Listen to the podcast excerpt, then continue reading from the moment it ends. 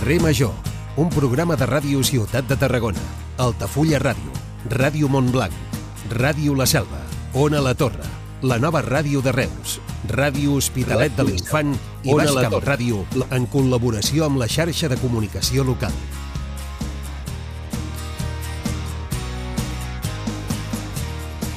Hola, bona tarda a tothom. Benvinguts un dia més a Carrer Major. Les eh, piscines privades d'hotels i balnearis no es podran reomplir quan entri en vigor l'emergència del sistema Ter Llobregat, però això sí, es permetrà eh, que s'omplin les piscines esportives amb algunes limitacions.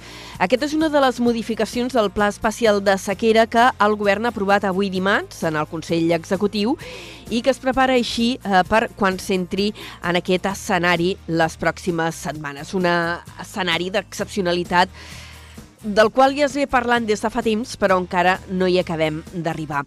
Entre altres, l'executiu ha aprovat la redacció, la reducció, volem dir, dels cabals ambientals en els rius Llobregat, Ter i Muga i l'ajornament de la posada en marxa de noves granges i hotels, així com restriccions a les dutxes de les instal·lacions esportives. En la fase 3 de l'emergència, la més restrictiva, gimnasos i clubs esportius han de tancar les dutxes. Això a nivell general, a nivell de Catalunya i sobretot a l'àrea metropolitana de Barcelona, que és la que depèn directament d'aquest sistema d'aigua del Ter Llobregat, les conques internes. Aquí, però, eh, estem preocupats eh, per saber què passa també amb l'aigua de l'Ebre. Avui el GEPEC ha dit eh, que el Priorat eh, no necessita aigua de l'Ebre, com planteja el Departament d'Acció Climàtica, i ha denunciat el que consideren que és una mala gestió per part de la Generalitat, juntament amb la comunitat de regants al pantà de Riu de Canyes. Segons s'han exposat els membres de l'entitat, el Priorat exporta anualment 7 hectòmetres cúbics d'aigua a altres comarques, majoritàriament al Baix Camp, però també empara la Riviera d'Ebre, mentre que el projecte pel Departament d'Acció Climàtica preveu portar-ne més de 4 hectòmetres cúbics de l'Ebre al Priorat. És a dir, que si el Priorat no cedís aigua fora, no caldria que n'hi portessin de l'Ebre. I això eh, pel que fa a gestió de l'aigua. I en clau més política, destaquem que el Consell de Ministres ha acordat, també avui dimarts, la desclassificació parcial de la documentació sobre l'espionatge amb Pegasus al president de la Generalitat, Pere Aragonès, l'any 2000, quan era vicepresident del govern.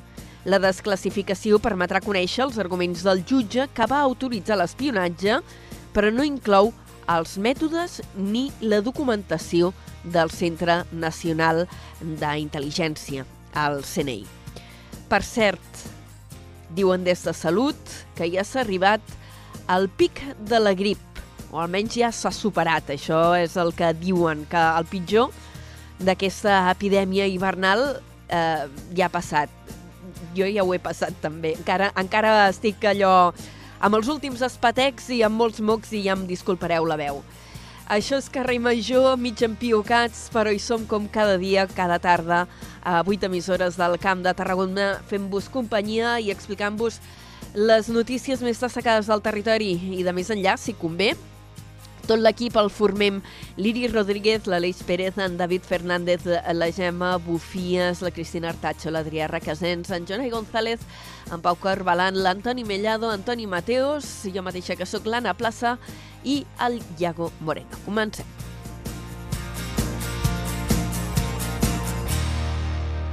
Carrer Major, Anna Plaza i Jonai González.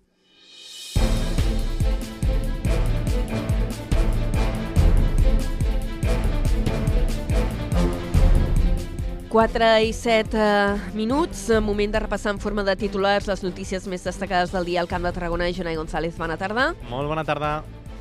La Diputació de Tarragona impulsa un projecte per detectar fuites d'aigua a 120 municipis de menys de 20.000 habitants. L'objectiu del projecte, valorat en 10 milions d'euros, és millorar l'eficiència en l'ús dels recursos hídrics.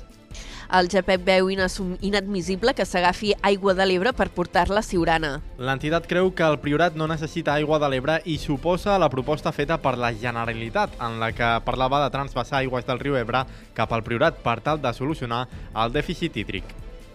La Fiscalia ha obert noves diligències per intentar aclarir l'origen dels pèl·lets a les platges tarragonines. Ho ha fet a petició del fiscal de Sala de Medi Ambient, Antonio Bercher. La informació l'ha avançat avui el dia al País i l'ha confirmada l'agència EFA. Arxiven la causa contra cinc independentistes eh, relacionats amb les manifestacions post-sentència de l'1 d'octubre. Entre els investigats hi havia l'exregidor de la CUP de Reus, Edgar Fernández. Torredembarra torna a reclamar la construcció de la quarta escola al municipi. El regidor d'Educació ha traslladat la petició a la Generalitat després de l'increment exponencial de nous alumnes durant el curs. El Museu d'Història de Tarragona manté l'impuls en la divulgació amb activitats guiades familiars i escolars. Enguany es consoliden les activitats per Sant Magí, Santa Tecla i també les de Nadal. L'Ajuntament de Reus ha finalitzat les obres d'execució del projecte d'urbanització i paisatge de la Riera de la Beurada. L'actuació ha inclòs treballs de recuperació ambiental, plantació, condicionament mobiliari i senyalística en quatre zones situades a l'entorn de la Riera. En esports, l'atleta ballenca Marta Galimany s'ha imposat al Campionat de Catalunya de Cross. I en cultura, Lluís Gavaldà i Joan Pau Chávez publiquen la seva primera cançó conjunta, Meva, un cant a la reivindicació femenina. Són algunes de les notícies més destacades d'avui dimarts. D'aquí mitja hora, una miqueta més, les eh, ampliarem amb més detall. Jonai, fins després. Fins després.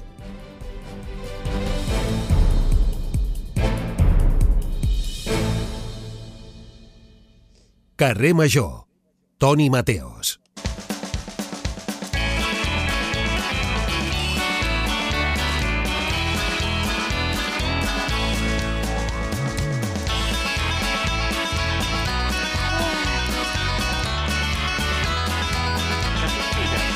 Sospiro. Què et passa a la plaça? Ne- Necessito, necessito ventilar, saps? Tinc el nas tan tapat, respiro Sí. per la boca, eh, em sento com un peix, saps allò que van boquejant d'aquella manera? Eh, ah, ah, Doncs això, necessito oxigenar-me, estic fatal. Ah, Estàs fatal, però bueno. Estem aquí, al peu del canó, com sempre. Com, com has dit tu, les 8 emissores, estem aquí al peu del canó. Home, tu diràs, tu, Tu diràs. diràs. On És la estaríem millor? A les 4 de la tarda. Tu què faries si no a les 4 de la tarda? Mira, se m'ocorreixen com a 75 idees m- A mi millors. se me una, Una. Quina que és la migdiada. Home, a veure, eh, està entre les 75, Ja està. però, ta però també Jo- fent un cafetó, eh, Jo la- xerrant... No, jo aquesta hora, 4 de la tarda, migdiada. Um, jo l'única esperança que tinc és que tota la gent del Camp de Tarragona que en aquesta hora no estigui treballant i tingui el privilegi d'estar fent la, la migdiada, no la facin en silenci, sinó que tinguin la ràdio al costat Sí, i es vagin adormint mentre ens escolten a nosaltres. que bonic. Eh? No perquè fem adormir, eh, la gent, no, No, sinó per perquè els hi fem Déu, no, companyia. perquè els hi fem companyia i els entretenim i també, doncs mira, uh, som com uh, encantadors de serps. Ja, ja, ja, ja, ja. I jo sempre m'adormo amb la ràdio posada. Ah, molt ben fet, molt ben fet. Jo ho feia abans. Eh, quan, quan era solter ho feia abans, però Ah, sí? quan, quan vaig començar a viure en parella me va dir eh, tanca ja el Garcia, home, que jo m'adormia amb el Garcia, Amb el Garcia. amb, amb el José María Garcia, allò, quan començava Chiquilicuatre, abrazafaroles, em feia gràcia i, i a la dona va dir Ostres. tanca la Escolta, ràdio. no havíem fet un documental del, del García? Han fet moltes coses. N'hi ha un, n'hi ha un, um, un podcast molt interessant Sí? sobre la guerra entre José Ramón de la Morena i José María García. La Vamos. guerra sense, sense treva. que Dos pistas, tots dos estilos. Sí, sí, dos periodistas, dos estilos. Uf, era tremendo, tremendo el que s'arribava a fer en aquelles èpoques per, per aconseguir la notícia. Audiència. Tot per audiència. l'audiència. Sí, sí, sí, sí. Escolta, què faràs tu avui per l'audiència?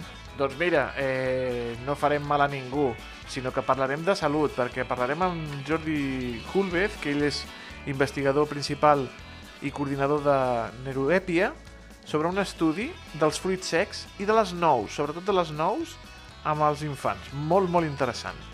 L'Agnès Toda, amb el nostre espai de col·laboradors, el nostre lingüista de capçalera, ens parlarà de notícies sobre el català.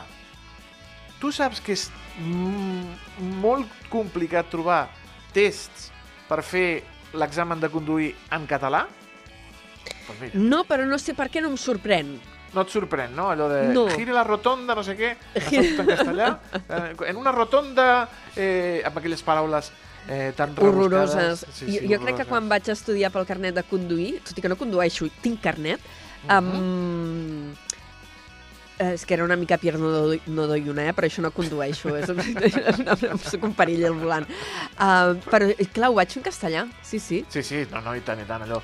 En esta rotonda confluyen dos avenidas... I tu, mo, eh, Mare de Déu. ODS, amb ODS. el coordinador dels espigoladors de Tarragona per parlar Sí. d'un conveni amb eh, l'agrupació de defensa vegetal, banda sonora del Camp de Tarragona, que ja heu parlat una miqueta. Eh, Sí, heu avui tenim petit- cançó nova del Gavaldà i el Chaves, Sí. vinga. Sí, sí, sí, sí. Encara no l'he escoltat, eh? Mira, ara me l'escoltaré quan ens la posi el, El David Fernández. el David Fernández. I la Cristina Artacho avui se'n va a menjar croquetes, perquè avui, estimada Home. Anna Plaça, és el Dia Mundial de la croqueta. I, I portava molts dies dient, vull menjar croquetes, vull menjar Que croquetes. bo, tio. Patapam. Croquetes. Però és que, a Croquetes. més, ha descobert un lloc del mercat de Sí. Tarragona especialitzats en croquetes. I És que hi ha llocs per tot, dir? de Més de veritat. 70 varietats de croquetes. No, crec que no eren tantes, eren 50 i alguna però és, igual. Anna, igual, és me va igual. semblar una Tot el que animalada. passi de 20, tot el que passi de 20, No, tot el que passi de 3 o 4, m'entens? Sí, a veure, exacte. croquetes de què? De pollastre, de pernil, de carn i les de bolets, les de sí. mm, peix, mm, bàsicament lluç, algunes de bacallà, para de comptar, no sé. Bueno, de tinta de calamar també, vinga, va, 5. De- Jo però aquí podria dir segurament hi haurà 5-6 variants de croquetes, ja 50, Croquetes de em sembla... xocolata, croquetes ja veuràs. Ah, parlarem bueno. amb ella, parlarem amb ella. Vinga, va, doncs eh, tot això a partir de les 5 i jo ara, que ja el veig assegut a l'estudi de Ràdio Ciutat de Tarragona, saps amb qui parlaré? Amb qui, Anna, amb qui? Amb el Josep Pallarès, que és rector de la Universitat Rovira i Virgili. Ep, alerta. Recorda, Va, que ja ens espera. Toni Mateos, fins després. Adéu. després, Cada tarda de dilluns a divendres fem parada a Carrer Major.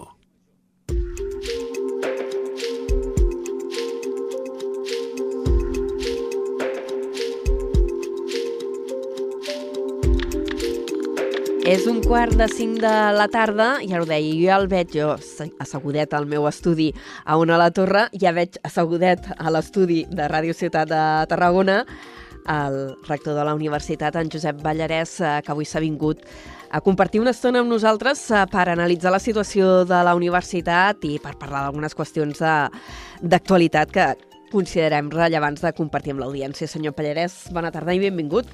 Molt bona tarda, Anna. Encantat de compartir un ratet aquesta tarda al carrer Major amb tots vosaltres. I nosaltres encantades de que, de que hi sigueu. Eh, just un dia, un dia després de que anunciéssiu que la URB i T-Systems han creat una càtedra sobre aplicacions natives del núvol. Què és aquesta càtedra?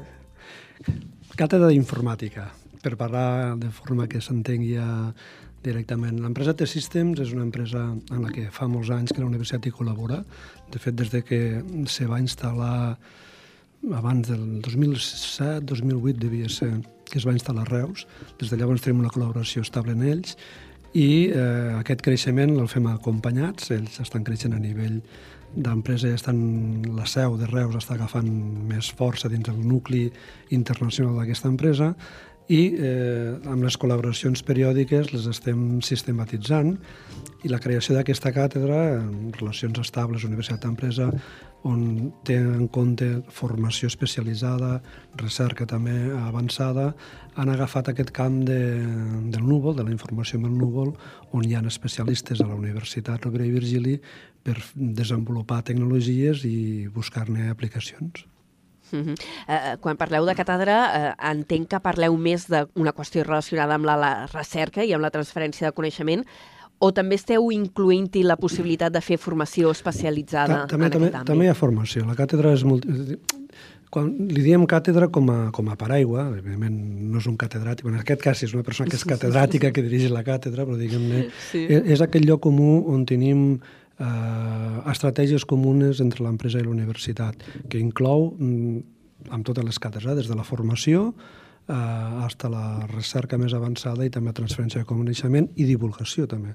Per tant, són, és aquest aspecte polièdric on intentem que hi hagi mm, difusió, en aquest cas, de la informació al núvol i també generació de coneixement i formació especialitzada eh, no només pels nostres estudiants, sinó eh, per la població en general. Això vol dir que s'impartirà alguna formació específica, concreta, relacionada amb aquesta qüestió informàtica relacionada amb internet. Amb sí, sí. Bueno, de fet, Aquesta ja cosa tan, tan intangible que en el fons és molt tangible. Tu i jo no estaríem connectats si no fos per internet en aquest mateix moment que ens veiem a través d'una pantalla. Eh, ja fa temps que estem col·laborant, com dia abans, amb, amb T-Systems Eh, de fet, ja han fet cursos de formació eh, especialitzats i el que volem és anar un pas més enllà, no fer actuacions discretes, eh, puntuals amb el temps, sinó tindre una estratègia cada any, és un projecte a tres anys, i per tant el que es tracta és, en la comissió bilateral formada per tècnics de l'empresa i per professionals de la universitat, durant aquests tres anys, cada any planificar les actuacions de l'any següent, tenint en compte tots aquests aspectes que abans comentàvem. -hmm. uh, Li he volgut començar preguntant per, per aquest acord, uh, perquè de fet el fèieu públic ahir mateix des de la universitat, tot i que des de Test Systems ja feia uns quants dies eh, que també havien, havien ja posat sobre avís que hi havia aquest acord sobre la taula. I una altra qüestió que hem sabut fa molt poquets dies i que també volem aprofitar per comentar-li és la reducció del nombre d'estudiants de grau que abandonen els estudis del primer curs. Eh, des de la universitat explicàveu que eh, l'any 2018 es va posar en mhm. marxa un pla per intentar frenar aquest abandonament i que eh, en aquests anys, des del 2018 fins ara, s'ha passat del 20% d'alumnes que deixaven els estudis del primer curs al 14%, que encara em sembla un percentatge bastant elevat, però que ja és més, més baix. Sí, eh, l'abandonament universitari és un problema no només de la Rovira i Virgili, és un problema que ens afecta a tot el sistema català i espanyol i eh, al final és la suma de molts aspectes. No? Què fa que una persona que comença una carrera universitària eh, abandoni? Primer és quantificar i dimensionar aquest abandonament respecte al total d'alumnes que estem que s'estan matriculant. Depèn molt dels àmbits. Eh, tècnic, mm, típicament, eh, les enginyeries i les humanitats, no només aquí, sinó en general a nivell de Catalunya, és en aquells àmbits on hi ha un abandonament més gran i eh, hi ha altres àmbits, per exemple, l'àmbit mèdic i l'àmbit de salut és, és on hi ha l'abandonament més baix. No?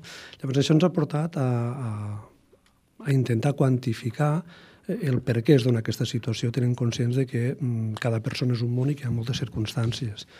Eh, ens donem compte, per exemple, enguany hem fet èmfasi amb les persones que abandonen, per tant, diguem que estan, diem abandonament quan fa dos anys que no s'han matriculat a la Rovira i Virgili d'aquella titulació. Uh, per tant, sempre estem parlant de dades passades.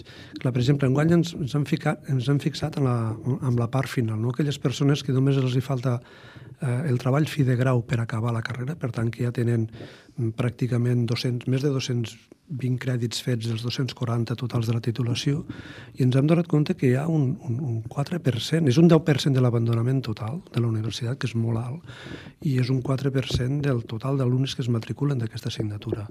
Què vol dir això? Doncs que hi ha un sector de persones que abans d'acabar la carrera, el grau, ja s'incorporen al mercat laboral. I, diguem-ne, eh, no necessiten el títol universitari per, per fer aquesta inserció. No? Per tant, és un sector que està molt, que està molt sectorialitzat.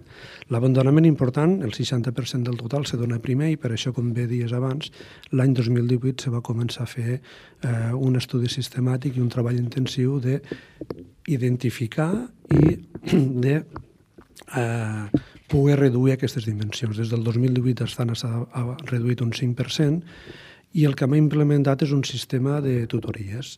Eh, els alumnes al primer quatrimestre que aproven menys de 12 crèdits, fan 30 crèdits, per tant, eh, els que, fan, els que n'aproven menys de 12 se'ls crida una tutoria, que és voluntària, eh, el 60% dels alumnes eh, acudixen a aquesta tutoria dels que són cridats i el que observem és que d'aquesta cohort de 60% que fa les tutories, l'abandonament al final del primer curs és molt més menor, abandonen només un 40% eh, respecte a la cohort que no fa aquestes tutories. No? Per tant, entenem que és un sistema que amb el temps està donant bons rendiments, eh, entenem que és voluntari, que els alumnes poden existia aquesta formació o no, o aquesta tutoria o no, eh, però ens està donant molt bons resultats i això a la llarga doncs, se, se, significa que l'abandonament total de la universitat eh, anirà baixant. Eh, entenc que a l'hora de la gent que decideix abandonar els estudis hi deu haver, eh, per una banda, un factor, doncs, gent que necessita més aquest suport extern, que en aquest cas entenc que la tutoria els aniria molt bé, però també hi deu haver eh, gent que troba que la carrera no compleix les seves expectatives o no és el que li agradava, no? O sigui, sempre hi haurà un tant per cent de gent que deixarà els estudis. Sí, de les persones que han, que han accedit a, a les enquestes que estem fent periòdicament, el que veiem és que eh, nosaltres pensàvem que, per exemple, eren motius laborals, no? motius econòmics. Doncs mm. estem, per exemple, amb, amb algo menys d'un 20% d'alumnes que abandonen per diversos motius que podrien estar relacionats amb la part econòmica. També estàvem pensant en possibilitats dels alumnes que no accedeixen en primera opció. No? Sempre diem, quan fem les notes de tall, que hi ha molta informació a premsa, sí. eh, doncs veiem que no hi ha una cap correlació entre la nota de tall que els alumnes entren a la universitat i mm, la, si és en primera, segona o tercera opció amb l'abandonament, fet que ens va sorprendre, perquè podries pensar que és gent que està menys motivada per una titulació. No? Al final, el, el principal aspecte que veiem, i crec que era, era algo menys del 40% dels alumnes que abandonaven, estaven relacionats bàsicament en què eh, la carrera no cobria les seves expectatives. Hi havia, per exemple, un altre 20% que, que trobava que la carrera era molt difícil, per tant, diguem-ne, a nivell acadèmic de la titulació de l'exigència, però bàsicament el 40% del total són persones que, diguem-ne, s'esperaven una cosa diferent del que després se troben. Per això és molt important la jornada de portes obertes i per això també és molt important aquesta informació prèvia a l'accedir a la universitat per realment els alumnes eh, sàpien exactament mm, què es trobaran quines sortides laborals tindran quan acabin la titulació i també el, el desenvolupament de cadascuna de les titulacions que oferim. Rector, anem avançant una miqueta en, en altres temes. Eh, enguany el pressupost en què comptareu a la Universitat eh, Rovira i Virgili és de 137 milions d'euros, que representa un increment de l'1,75%, i comptareu eh, aquest increment en part també és possible que hi ha hagut més transferències de la Generalitat. Eh, com està tot el tema de, del finançament, eh, del qual eh, les universitats catalanes moltes vegades s'aneu queixat i s'aneu queixat en bloc? Sí, és un, és un problema endèmic eh, que té el seu origen amb la crisi econòmica l'any 2008 i, per tant, eh, malgrat la bona voluntat i algunes petites accions que hi ha eh, per part del govern actualment, doncs encara hi ha molt de recorregut a fer i, per tant, diguem, les necessitats acumulades són molt importants. Eh, jo sempre poso un exemple per a que ens, ens dimensionem. No? Eh, abans de la crisi, els diners que rebia només la Universitat Autònoma de Barcelona eh, per infraestructures és la mateixa xifra que han rebut totes les universitats catalanes públiques el darrer curs acadèmic, 55 milions. I això que amb aquest darrer any aquest partit ha incrementat un 10%. Per tant, estem parlant de, diguem-ne, d'unes necessitats endèmiques que eh, s'estan resolent o s'estan intentant solventar però que encara estem molt lluny del, del punt d'equilibri normal. Parlaves d'aquests 137 milions, eh, amb el pressupost de la universitat hi ha una partida que és la relacionada amb la captació de projectes eh, i recursos externs i la part de finançament mm, basal que rebem per part del govern i a més a més de les matrícules, i aquesta part del govern sí que és veritat que ha augmentat eh, amb el darrer any, i les mesures bàsicament a les que destinem són la consolidació del pla de xoc a nivell de, de professorat. Això representarà per la Rovira i Virgili la incorporació de 75 persones a temps complet en 3 anys. És una molt bona notícia. Eh, feia molts anys, des de la crisi econòmica, com dia abans, que cada vegada, cada any teníem menys professors a temps complet i, per tant, teníem mm. més professorat associat. Aquesta mesura intenta revertir aquesta dinàmica i ens permetrà en tres anys transformar la docència de, equivalent a 75 professors a temps complet. Això ja ho tenim repartit entre els departaments i els departaments ja poden fer aquesta planificació d'aquesta incorporació. També hi ha una part que es destinarà a, a incrementar el, I li anava a preguntar, anem per- serveis. Anem per parts, no? perquè aquesta part del professorat també era un tema que, que li volia introduir, per tenint en compte que ja hi ha tota una generació de, de professors eh, que s'està jubilant, no? I, i aquest, eh, també hi va haver aquest acord amb, amb la Generalitat per poder fer aquesta mena de programa de relleu amb la incorporació de 75 eh, professors eh, nous al llarg dels pròxims anys. Eh, en quina fase ho tenim? Vull dir, s'estan obrint ja les places o, o com està com s'està fent? Sí, tu he lligat abans a la part econòmica perquè diguem l'increment pressupostari que per, de la Generalitat el destinem a això. Per tant, l'important no són mm. els diners, sinó que és l'ús que en fem d'aquests recursos, no? quina millor qualitat podem donar als nostres estudiants. Eh, doncs, com diem, aquestes 75 places són en 3 anys, per tant, serà una relació de 25 professors per, per cada curs acadèmic. Eh, el curs passat el que vam fer va estar aprovar la distribució d'aquestes places per cada departament. Per tant, eh, cada departament ja sap quina planificació pot tindre entre les jubilacions que tindrà i aquestes noves places. I eh, ara estem fent la, la primera incorporació. Un cop rebuda la dotació econòmica per part de la Generalitat, estem fent ja els primers concursos, els primers d'aquests 25 concursos per incorporar-se eventualment durant el segon quadrimestre d'aquest curs. Serà la primera i això després ho anirem repetint amb 25 places més durant els dos propers cursos. I això es traduirà en un increment de professors o simplement servirà per consolidar gent que estava ja a precari fent classe a la URR? No, serveix per consolidar professorat, perquè aquests concursos són públics i, per tant, se pot presentar mm, qualsevol persona que tinga la, la, la titulació i que compleixi amb els requisits. Eh, de fet, tots aquests concursos eh, tenen una crida internacional, ho fem tradicionalment en tots els concursos de professorat, on fem la, la màxima difusió perquè el que interessa és captar el màxim de talent. Uh, anem a seguir parlant de- d'aquesta qüestió de pressupostos. Ara també em feia referència, li he tret de- que demanar més detall amb aquesta qüestió de, del professorat, però parlava també del eh, personal d'administració i serveis, del PAS. Sí, aquesta va ser una reivindicació, és una necessitat que tenim a la universitat, perquè al final més alumnes vol dir més hores de classe, per tant més professorat, però també vol dir més eh, matrícules, Més més expedicions de títols, més tràmits, per tant també tenim una necessitat a nivell de personal, eh, ara diem tècnic de gestió d'administració i serveis. Eh, inicialment amb el pla de xoc de la Generalitat no estava contemplada aquesta figura, des de la Rovira i Virgili vam insistir molt en la necessitat de també de tindre en compte aquesta, de cobrir aquesta mancança que tenim com a sistema i finalment la Generalitat ho, se ho va fer seu. L'import és, és més petit, estem parlant en un cas de, la, de nivell de Catalunya de 30 milions anuals, o 10 milions anuals, perdó, durant 3 anys a nivell de, de professorat i 5 milions a nivell de pas. Però també ens servirà per, eh, en aquest cas, en el cas del pas, ens servirà per donar resposta a una altra obligació sobrevinguda que és l'aplicació de la nova llei orgànica, la LOSU, eh, que crea, genera la, la no, noves necessitats a nivell de personal d'administració i bàsicament aquestes places aniran a cobrir aquestes noves necessitats.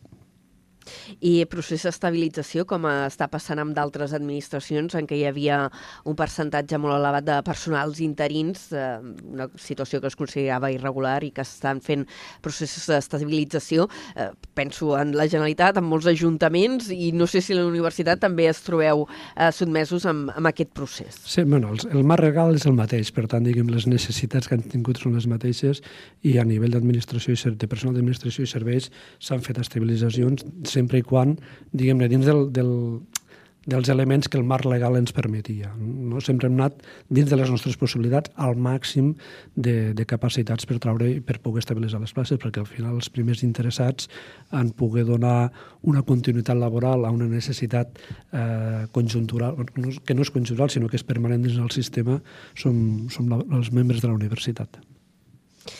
Eh, I el tema de la precarietat, sobretot de personal docent i investigador que encara no ha aconseguit places, de fet, temps enrere hi va haver mobilitzacions. Com està tota aquesta situació, rector?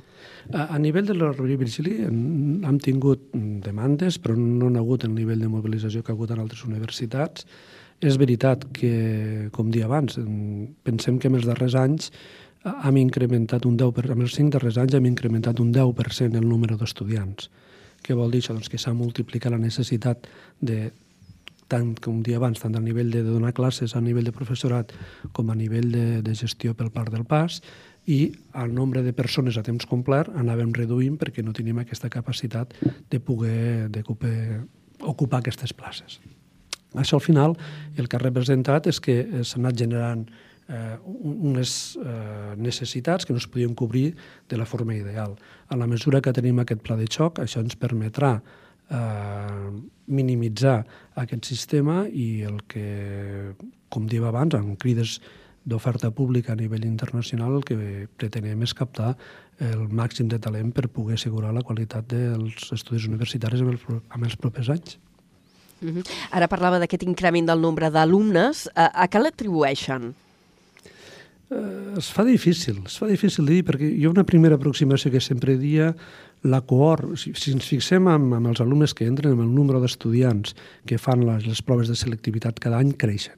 Vale? Per tant, una primera aproximació seria, bueno, com que hi ha més alumnes que cada any fan la selectivitat, hi ha més alumnes que entren a la universitat, per tant, el número total d'alumnes va creixent. Això seria la primera aproximació, i de fet és el, la realitat que està passant a casa nostra, la Rovira i Virgili.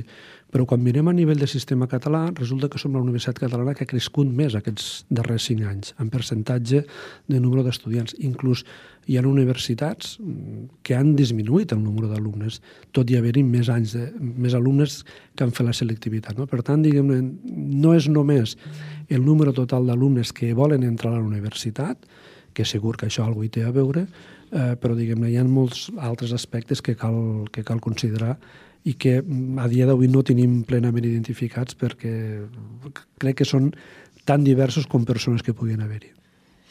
I estudis diversos també, no? Anant ampliant l'oferta acadèmica. Sí, anem ampliant, però jo crec que no és la prioritat número 1 ara. Pensem que estem en màxim d'estudiants, tant a nivell de grau eh, com a nivell de màster com a nivell de doctorat. Mm, només eh, a, a tall d'exemple, no? Eh, hem de pensar que mm, de cada tres estudiants que comencen... El 80% dels estudiants del grau són de, les nostres, de les nostres comarques, però de, de cada tres estudiants de màster, només un ha fet el grau a la URB i de cada tres estudiants de doctorat, només un ha fet el màster a la URB. Per tant, aquí malgrat a nivell de grau no tinguem molta mobilitat, sí que a nivell de màster i a nivell de, de, de doctorat tenim una gran mobilitat, una gran capacitat d'atracció de talent i jo per mi l'exemple més clar eh, és que amb la darrera edició dels premis de doctorat, dels títols d'entrega de, de títols de doctorat que vam fer, hi havia 180 persones de 38 nacionalitats diferents.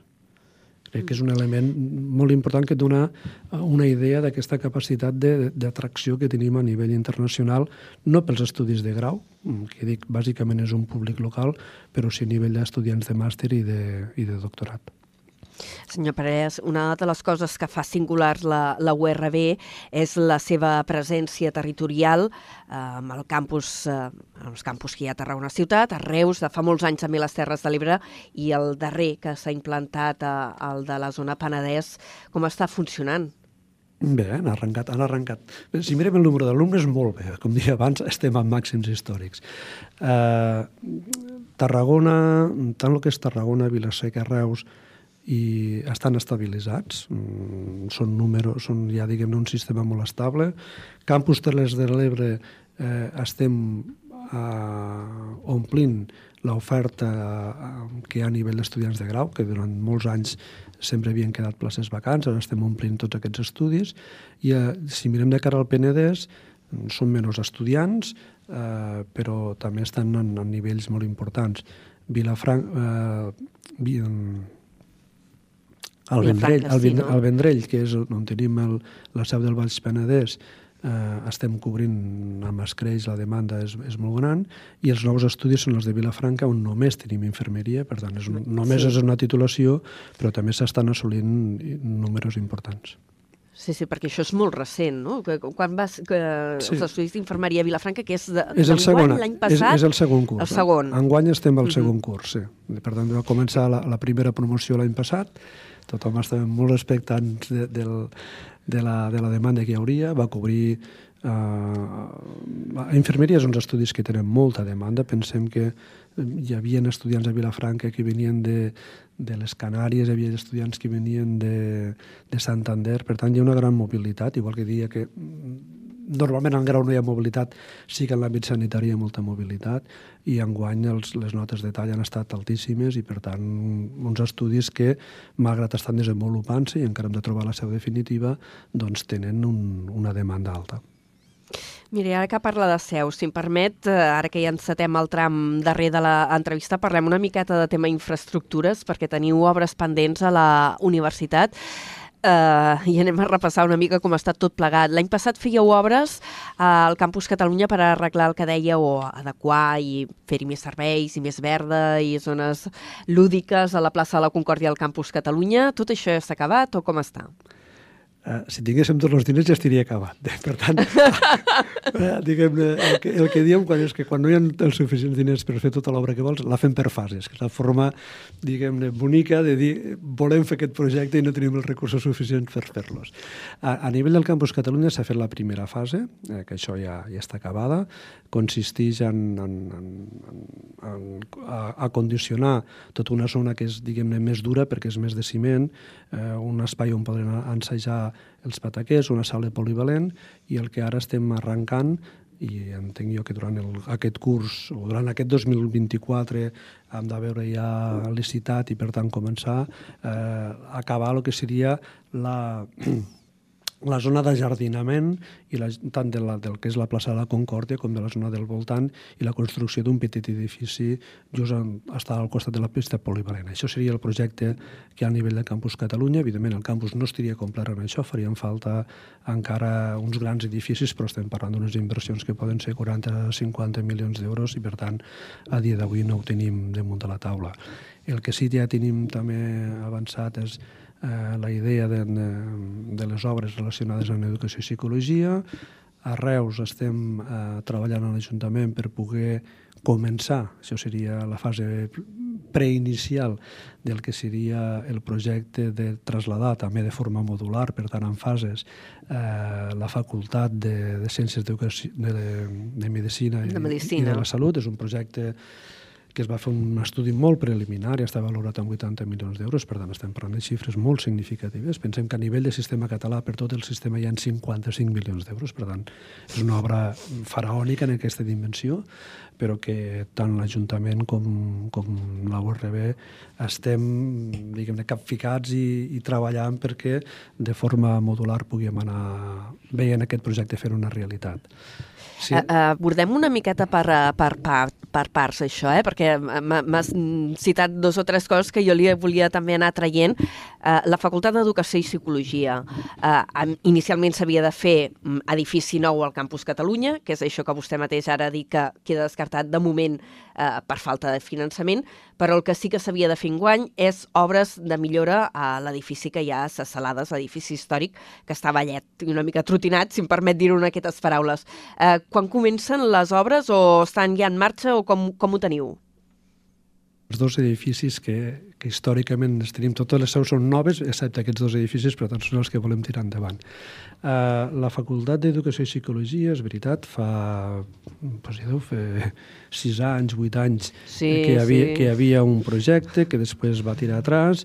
El nostre compromís durant la campanya electoral i que mantenim i que la facultat ne són conscients és de fer la remodelació de l'actual edifici, la rehabilitació d'aquest edifici de forma integral i estem treballant a la facultat per poder eh, tirar endavant aquesta idea. Jo crec que en breu durant aquest 2024 hem de tindre notícies positives en aquest sentit. La Facultat de Medicina i Ciències de la Salut, eh, que és l'altre gran projecte, com dia abans, doncs és una obra mm, que es va valorar amb 80 milions d'euros i per tant el que estem treballant, començant a treballar en fase molt inicial encara, és en l'Ajuntament per veure si som capaços d'anar aconseguint les diferents fases. No? Primer el projecte bàsic, després el projecte executiu i a partir d'aquí eh, anar... Però estic parlant d'anys, eh? No, no, sí, a, no, a, a dia d'avui no, no, no és que tinguem els, els diners per poder-ho fer, ja, ja m'agradaria a mi, eh, però bueno, estem treballant per, almenys per sensibilitzar tots els agents socials, perquè això al final no ha de ser un projecte de la universitat, no és només una obra... Estem parlant de, de, de, Medicina i Ciències de la Salut, allò ha de ser un parc sanitari, la, la, la visió final que tenim és un parc sanitari en l'hospital, amb un centre tecnològic, amb la facultat, amb un institut de recerca, i per tant és tot un parc sanitari que a nivell territorial estem tots eh, treballant conjuntament per buscar aquestes oportunitats a partir d'un projecte inicial eh, una facultat de Medicina que aniria al campus de Vallissens sí. el dia que arribi, eh? Sí, sí. ja, ja hem dit que això va a llarg termini, és un, un somni que teniu la universitat i l'Ajuntament de Reus, tant de bo el veiem fer realitat, no, juntament els amb la... Els somnis les... se fan realitat, si, si es treballa. Bueno, hem de somiar, hem de somiar.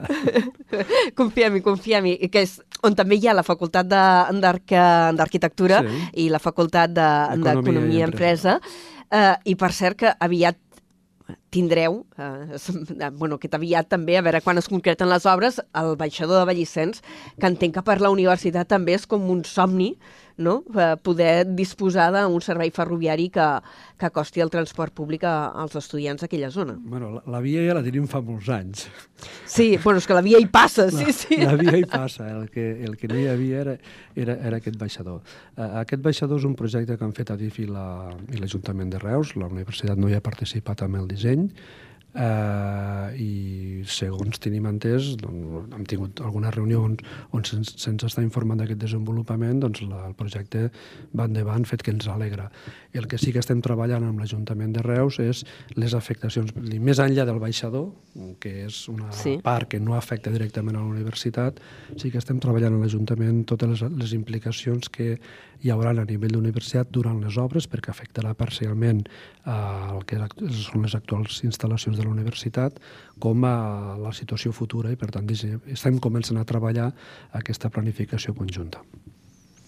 Doncs eh, m'estic imaginant els professors i els estudiants potser amb taps a les orelles mentre van sonant les excavadores allí a la vora, no? Pot ser.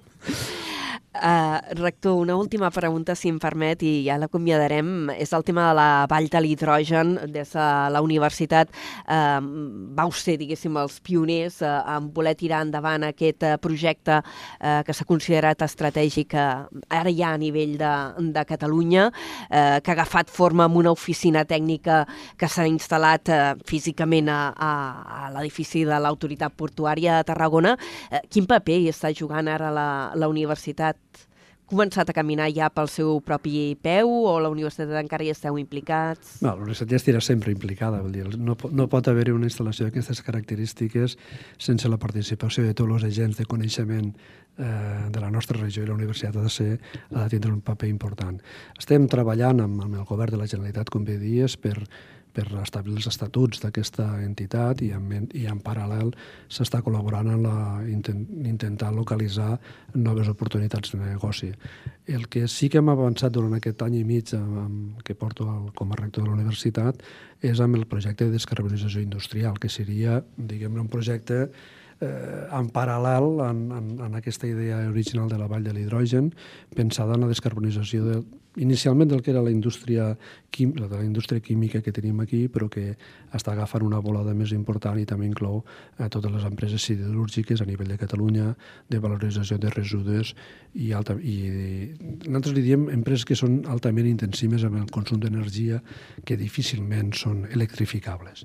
És una, un projecte important, que amb els pressupostos de l'any 2023 van tindre una primera aportació per part de la Generalitat de Catalunya en 5 milions d'euros, que està gestionant actualment eh, entre ICIC, Eurecat i la Universitat Rovira i Virgili, i és un projecte que eh, durant el 2024 ha de tindre ja els primers, els primers elements visibles mitjançant la construcció de les plantes pilot adreçades als diferents sectors industrials. És un projecte... En Digues. Entenc que són 5 milions d'euros per un projecte concret de recerca. Uh, són, és la primera fase d'un projecte que en global haurien de ser... El govern d'Alemanya ha posat 1.000 milions d'euros per dimensionar-ho. Per tant, diguem... Si m'ho diu així, 5 milions me semblava molt, però ara m'han començat a semblar pocs. Per això, per això s'han de contextualitzar. Evidentment, l'economia catalana no és l'economia alemana i el, el projecte a nivell de Catalunya... No, jo ho dic perquè a vegades eh, fem aquesta... Bueno, tenim aquest primer pas i diem aquest primer pas és suficient. No, aquest és un primer pas de projectes que hem de fer relacionats no de recerca, són projectes preindustrials, per tant, hi ha en unes tecnologies, en provar unes tecnologies, unes plantes pilot eh, que han de ser per provar unes tecnologies molt properes a la indústria eh, i que s'haurien de fer en seu industrial. Per tant, estem parlant de, de la primera aportació l'any 2023 d'un projecte que mm, aquestes quatre plantes que estem treballant ara, plantes pilot, podrien ser perfectament del voltant de 20 milions d'euros el cost total del projecte i que esperem que en els propers anys poder-los assolir, poder-los eh, identificar, perquè al final amb això el que estem fent és assegurar la, la, la viabilitat econòmica de les empreses, eh, que, en aquest cas químiques, que tenim al nostre entorn. Pensem que la indústria química és molt diferent la que tenim ara de la de que hi havia als anys 70, és una indústria que té unes condicions, uns condicionants legals a nivell de descarbonització molt important, unes fitres ja preestablertes l'any 2030 i l'any 2050, i si es vol arribar a aquesta descarbonització total, doncs hem de començar a treballar ja en, no en recerca, sinó que també, sinó en, en productes ja que les empreses puguin anar implementant i que puguin anar baixant el nivell d'emissions de, de CO2 que el, ho necessita tant el nostre medi ambient com també la viabilitat de, de les indústries. Hem acabat traient un tema interessantíssim que donaria molt, per moltíssim més, però, rector, tenim un informatiu per fer, que ens queden res, 10 minuts encara no, una miqueta més, i, i ens hi hem de posar, per tant, li hauré de dir adeu i agrair-li moltíssim que hagi sigut avui aquí per analitzar una mica l'actualitat de la universitat, del seu alumnat, dels projectes que teniu en marxa i ara al final parlant també de recerca. Moltes gràcies. Un plaer. Fins després. Adéu-siau. Adéu. Carrer Major, al Camp de Tarragona, des de ben a prop.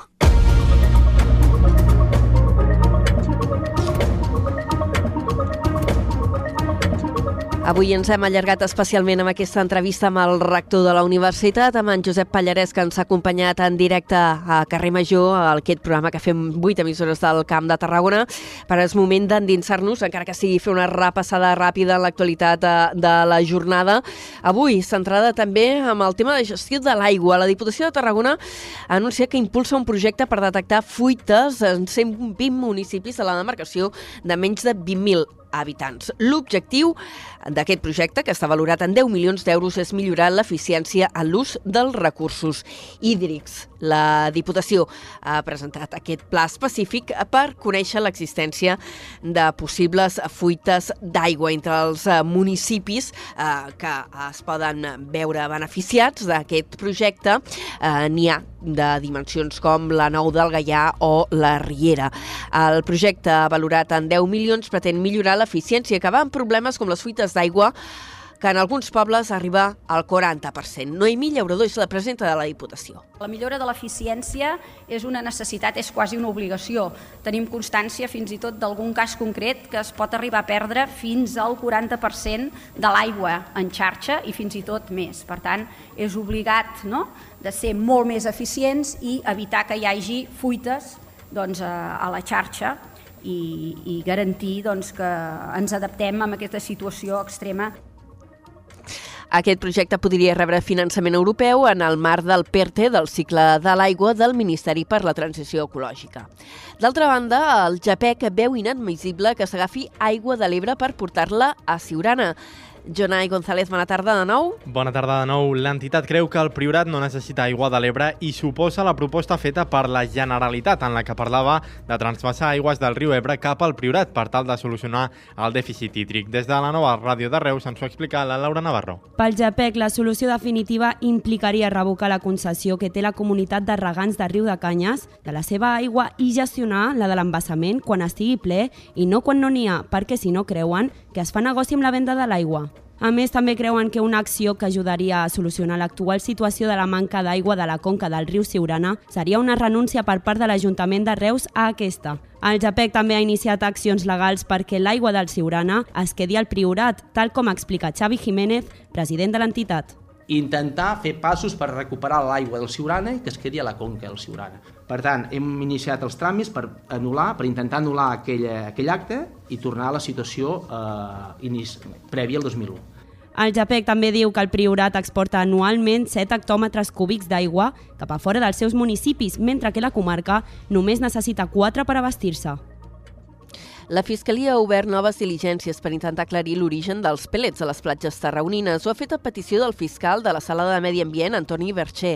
La informació l'ha avançat avui al diari El País i l'ha confirmada l'agència EFA. Es dona el cas que Fiscalia ja havia obert dues investigacions als anys 2019 i 2021 que es van acabar tancant en no poder determinar quin era l'origen concret dels pèl·lets.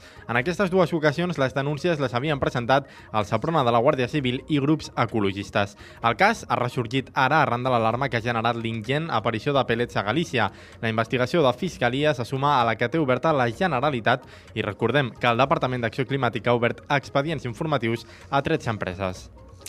Per cert, l'ONG Good Karma Projects pioneres en denunciar la problemàtica dels plets a la costa tarragonina i que n'ha fet un seguiment intensiu, creu que encara hi podria haver molts més expedients oberts. Un dels fundadors de l'entitat, Jordi Oliva, ha explicat en una entrevista a Carrer Major que han detectat pèrdua de pèl·lets en tots els polígons i empreses del territori en què es produeixen i manipulen aquestes boletes de plàstic.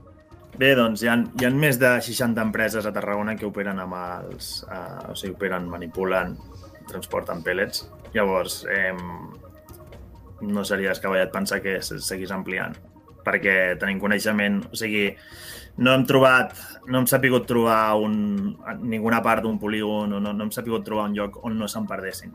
Aquest mes de març, Good Karma Projects presentarà el documental i l'exposició fotogràfica MED 2050 en què han fet seguiment dels pèl·lets al Mediterrani. La majoria dels fons nuclears es destinaran a la generació d'activitat econòmica privada, sobretot a la zona del Penta 1, que engloba els municipis més pròxims a les nuclears d'Escó i Vandellós. La convocatòria dels ajuts, dels nous ajuts, s'obriran a l'abril. Tot plegat s'ha acordat avui en la reunió de l'òrgan de governança dels fons de transició nuclear que s'ha fet a la seu del Consell Comarcal de la Ribera d'Ebre. Gairebé la meitat de l'impost nuclear es destinarà a quatre línies d'impuls de nova activitat econòmica, inversions d'alt impacte al territori, així com la creació i consolidació d'activitat empresarial turística i agrària. També hi haurà una línia d'ajuts per a projectes de lideratge públic. Albert Salvador, delegat del govern a les Terres de l'Ebre. Jo crec que a partir d'avui veiem la llum. Avui s'han pres decisions decisions que ens permeten ja eh, canalitzar de manera molt més concreta els recursos dels fons de transició nuclear per este 2024, traure aquell model, si em permeteu, de repartidora entre ajuntaments que era qüestionable que generessin ocupació i en canvi avui ja es decideix que més del 50% dels fons han d'anar eh, per a l'activitat eh, privada Fa només uns dies es començava a repartir els diners d'un exercici extraordinari que esquitxa equitativament als 97 ajuntaments de les zones nuclears d'Escó o Vandellós. La resta dels recursos es pagaran a final del primer quatrimestre d'enguany. Han arxivat la causa contra cinc independentistes relacionada amb les manifestacions eh, post-sentència de l'1 d'octubre. Entre els investigats hi havia l'exregidor de la CUP de Reus, Edgar Fernández. Des de la nova ràdio de Reus ens ho explica la Laura Navarro. El jutjat número 3 de Reus arxiva la causa contra cinc independentistes per les protestes que es van fer en contra de la sentència del procés del 14 d'octubre del passat 2019. A dos dels cinc independentistes encausats ja se'ls va arxivar el passat mes de maig, però ha estat ara quan el jutge del cas tanca la causa per a tothom després de dues sol·licituds per part de la defensa i el posicionament de la Fiscalia. Entre els investigats en aquesta causa hi ha l'exregidor de la CUP, Edgar Fernández. En relació amb el comunicat, l'exregidor ha pronunciat a través de xarxes socials que ho han mantingut des del primer dia les cinc causes repressives de Reus van ser un muntatge intencionat dels Mossos i que han insistit des del primer dia que la solidaritat no és delicte i la repressió no els aturarà. Moltes gràcies, eh, Laura. Avui amb aquest informatiu que ens haurà quedat eh, bastant més curt, apunto diverses eh, notícies en, en format breu. D'una banda, en clau local, Torredembarra tornarà a reclamar la construcció de la quarta escola al municipi. Ho ha anunciat en declaracions a una a la Torre el regidor d'Educació, que expliquen que han traslladat la petició de la Generalitat després de l'increment exponencial de nous alumnes durant aquest curs, el que es coneix com a la matrícula viva.